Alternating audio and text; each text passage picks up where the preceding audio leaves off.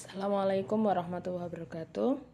Alhamdulillahirrahmanirrahim Pagi ini kita bisa bertemu lagi dalam mata kuliah MKPI Aduh suaranya masih serak-serak.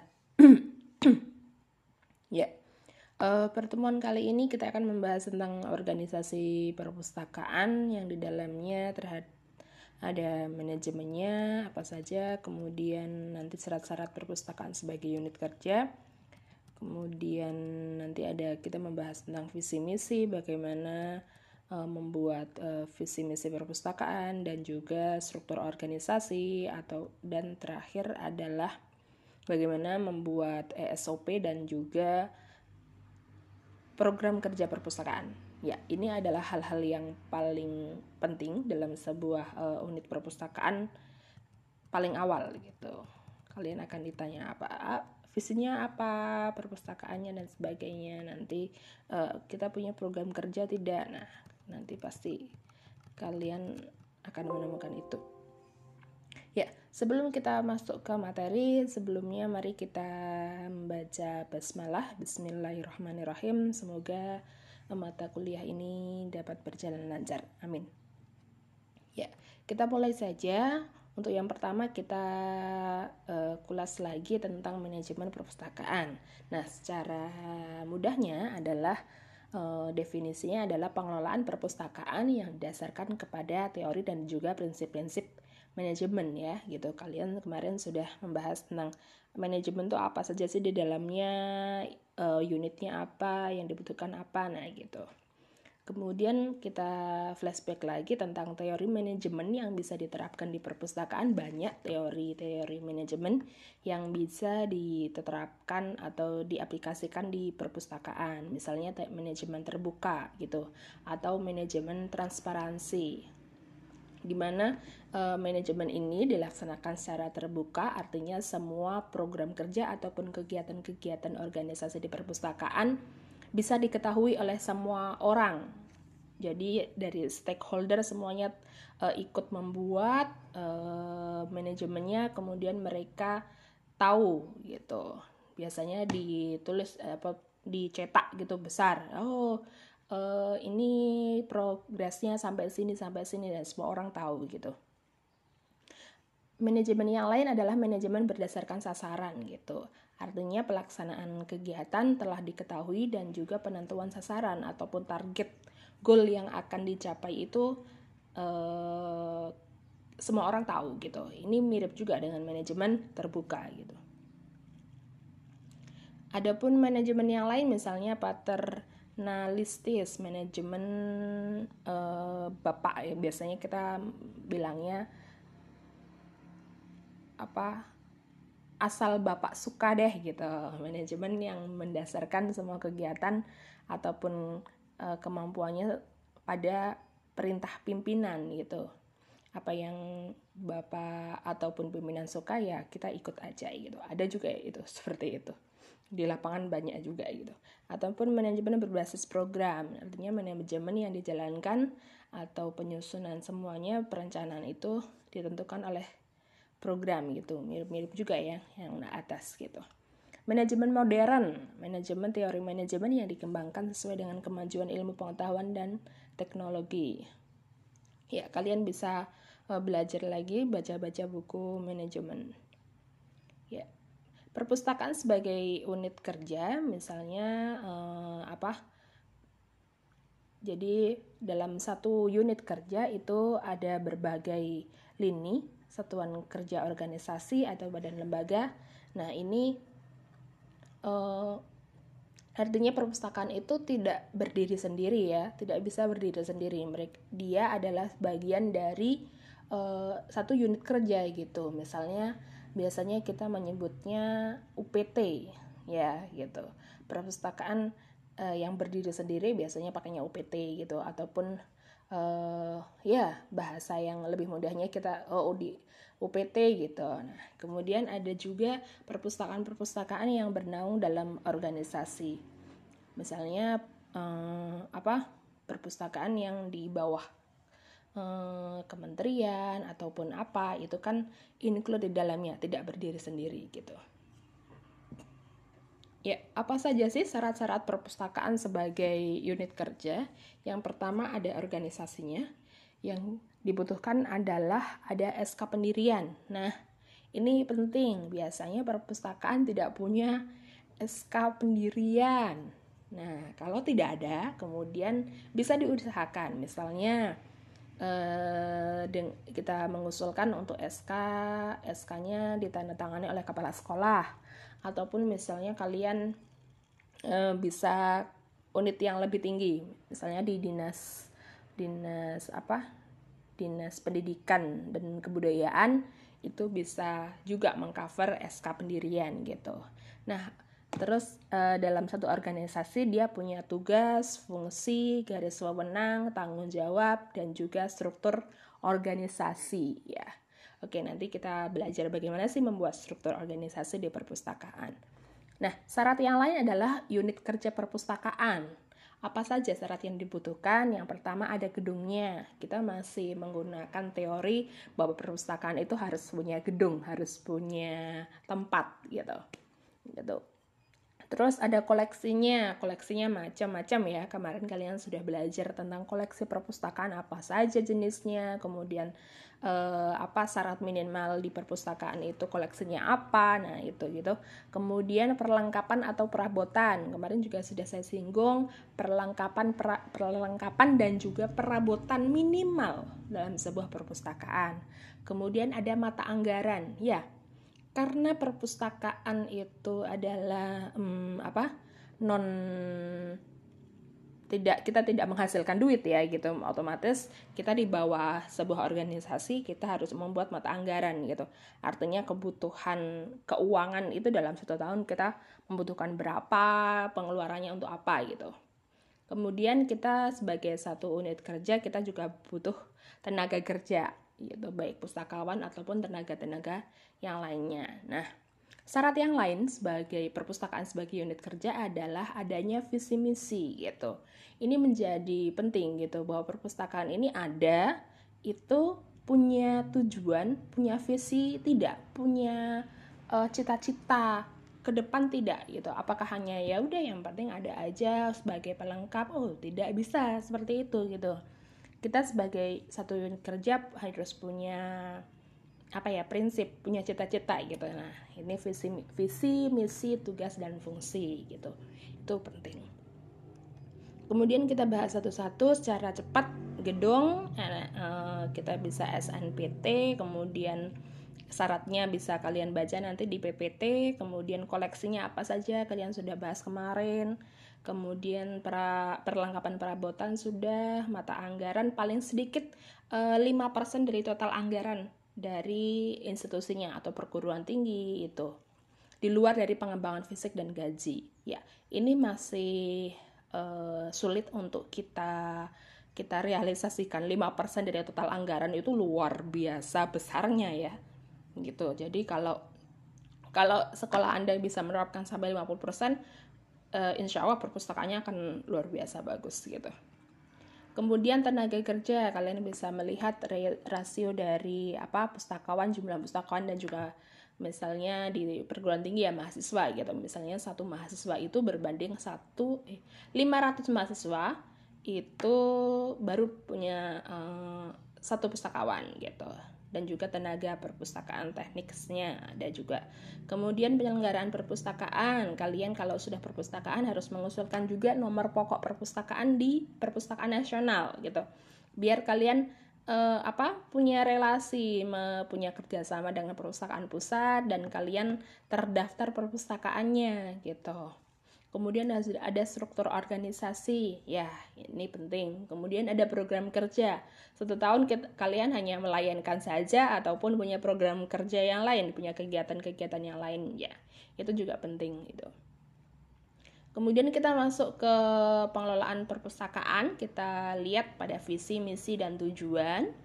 Itu eh, yang pertama adalah visi visi itu harus juga mengacu pada visi organisasi di atasnya. Misalnya perguruan tinggi ya harus sesuai dengan visi uh, perguruan tinggi gitu. Jadi kalau visi perguruan tingginya apa, goalnya nanti kalian menurunkan gitu. Kemudian visinya adalah untuk memfasilitasi proses pembelajaran serta berperan dalam peningkatkan peningkatan atmosfer akademik gitu. Ya ini contohnya adalah uh, untuk di perguruan tinggi gitu. Ataupun tujuannya akses informasi kepada pembelajaran, penelitian dan juga pengabdian kepada masyarakat. Nah, apa sih visi itu gitu? Visi adalah e, cara memandang tentang kondisi dan situasi di masa depan gitu. Hal yang jauh tetapi kira-kira dalam waktu tertentu kita akan sampai pada situ gitu. Artinya sesuatu yang juga tidak tidak unreal ya. Kita tetap bisa menjangkaunya, tetapi eh, itu butuh proses untuk sampai sana gitu. Ataupun definisi yang lain, gambaran keinginan yang ingin dicapai dan secara rasional dapat diwujudkan. Itu visi gitu. Contoh yang saya beri contoh misalnya di UPT Perpustakaan UNY sebagai penyedia informasi ilmu pengetahuan dan teknologi. Nah, misalnya di UIN nih, di UIN ini biasanya ada apa? Belakangnya ada tahun, pada tahun 2024 eh, gitu. Nah, itu artinya eh, saya ingin mencapai itu pada tahun itu gitu. Nah, Misi adalah penjabaran dari visi, yaitu pokok-pokok kegiatan yang harus dirumuskan agar lebih realistis untuk mewujudkannya. Jadi adalah e, contohnya visinya kita ambil dari UPT Perpustakaan UNY sebagai penyedia informasi, ilmu pengetahuan dan teknologi. Maka misinya adalah untuk meningkatkan relevansi dan juga mutu layanan sistem perpustakaan terpadu kepada seluruh pemakai jasa di lingkungan universitas, menerapkan teknologi informasi, teknologi ya gitu. Kemudian eh, dia menekankan misinya adalah pertama untuk mutu layanan sistem perpustakaan, kemudian menerap teknologinya uh, juga, kemudian yang terakhir perpustakaan tidak hanya sebagai pelengkap, tapi juga pemilik data dan informasi dalam rangka mendukung kerjasama. Nah, ada tiga poin gitu. Satu visi, mereka menjabarkannya dalam misinya tiga. Kemudian tujuan dan sasaran. Nah, ini adalah untuk apa untuk lebih uh, apa mem, menurunkan ya dari misi kemudian tujuan kemudian sasaran gitu. Uh, sebagian biasanya tidak digunakan tetapi kalian uh, ini sebagai pengetahuan dan juga lebih untuk memahami visi dan misi. Menjabarkannya itu lebih mudah gitu. Misalnya tujuannya uh, yang tadi misalnya pokoknya apa ya yang pertama itu kan misinya meningkatkan relevansi dan mutu layanan sistem perpustakaan terpadu kepada seluruh pemakai jasa di lingkungan universitas. Nah, maka kemudian tujuannya menyediakan tempat yang nyaman untuk membaca. Nah, maka eh, tujuan ini kita breakdown lagi jadi sasaran untuk tempat yang nyaman membaca itu apa ya gitu. Nah, itu perpustakaan menyediakan 2 AC pada bulan Februari 2020 gitu. Artinya e, sebagai perpustakaannya kemudian e, kita ada berapa, kita mau menyediakan apa, itu ada jumlahnya, kemudian ada durasi waktunya, kapan yang akan dilaksanakan gitu. Nah, itu tujuan dan sasaran.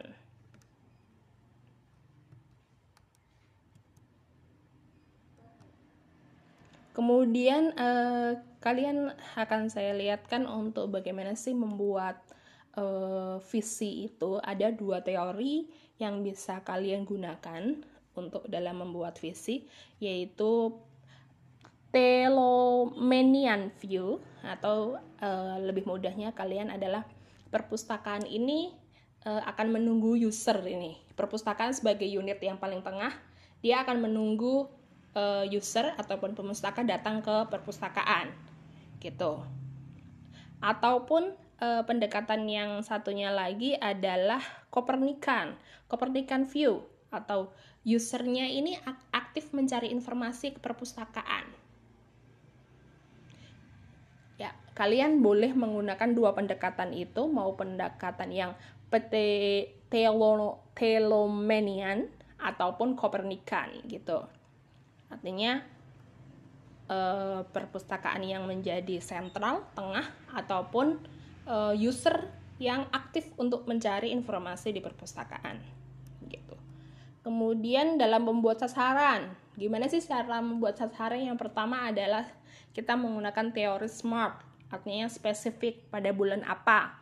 Kemudian M, uh, dapat diukur, measurable, artinya uh, kegiatan ini dapat diukur apa jumlahnya berapa gitu. Terus agreement, ada persetujuan, apa pustakaan uh, menyediakan otomatis kita punya persetujuan gitu. Kemudian realistis ya gitu, artinya bisa dijangkau gitu hal yang membumi lah gitu terus waktunya kapan itu juga uh, apa waktunya di ditulis juga gitu.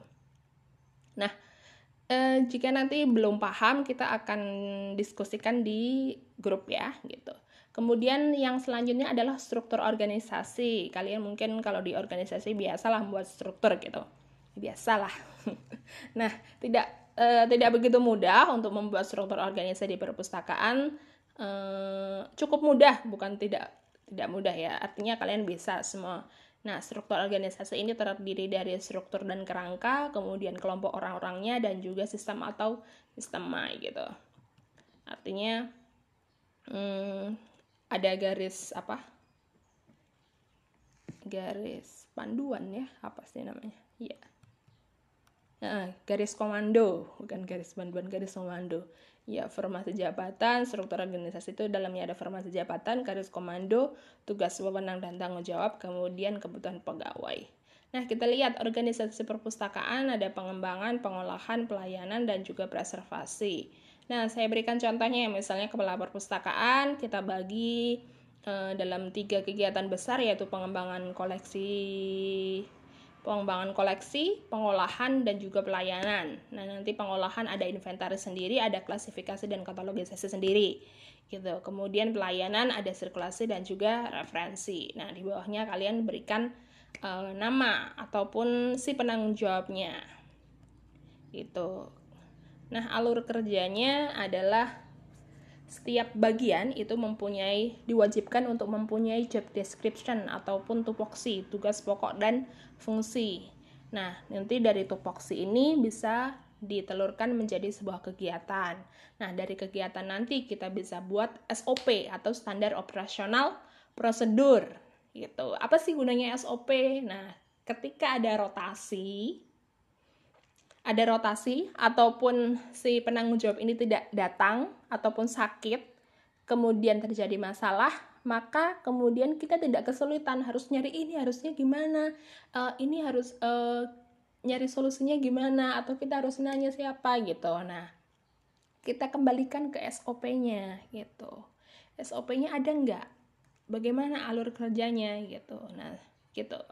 Nanti SOP ini prinsipnya adalah untuk mengikat stat staff dan user, kemudian SOP itu tidak baku ya, bisa direview, kemudian dibikin oleh yang bersangkutan. Nah, kemudian nanti dari SOP ini kita akan bisa membuat sebuah sistem. Jadi tidak bergantung pada si si penanggung jawab ini, sistemnya akan berjalan.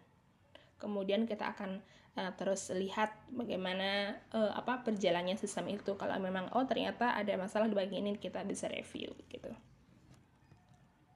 ya alur kerjanya tadi kita buat tupoksinya kemudian dari tupoksi bisa ditelurkan menjadi kegiatan dan juga kegiatan bisa bikin SOP panjang sekali ya bu. Iya gitu. Sebenarnya banyak sekali kegiatan perpustakaan gitu. Kita tidak hanya duduk melayani oh ya selesai, selesai bikin laporan tidak gitu. Artinya kalau uh, kita belajar sebuah sistem informasi perpustakaan kita tahunya perpustakaan itu ya harus pakai teknologi. Kalau kemudian kita tidak punya, belum bisa mengcover teknologi, nah, ketika kita sudah bikin SOP, maka kemudian kita bisa ikut sistem ini. Kita bisa sistem itu apa pun gitu, nggak harus bergantung teknologi gitu. Gitu. Nah ini saya berikan contohnya tentang eh, SOP, tata cara pelayanan peminjaman. Itu.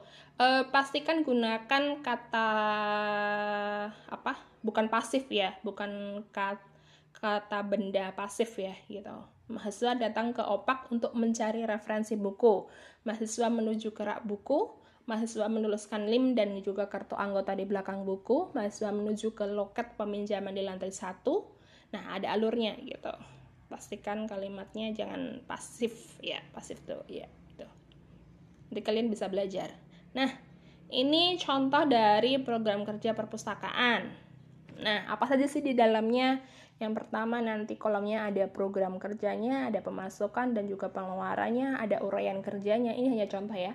Uraian kerja, kemudian sasaran kegiatannya apa, penanggung jawabnya siapa, tujuan kegiatannya apa, kemudian tata waktu ataupun durasinya dalam satu tahun anggaran.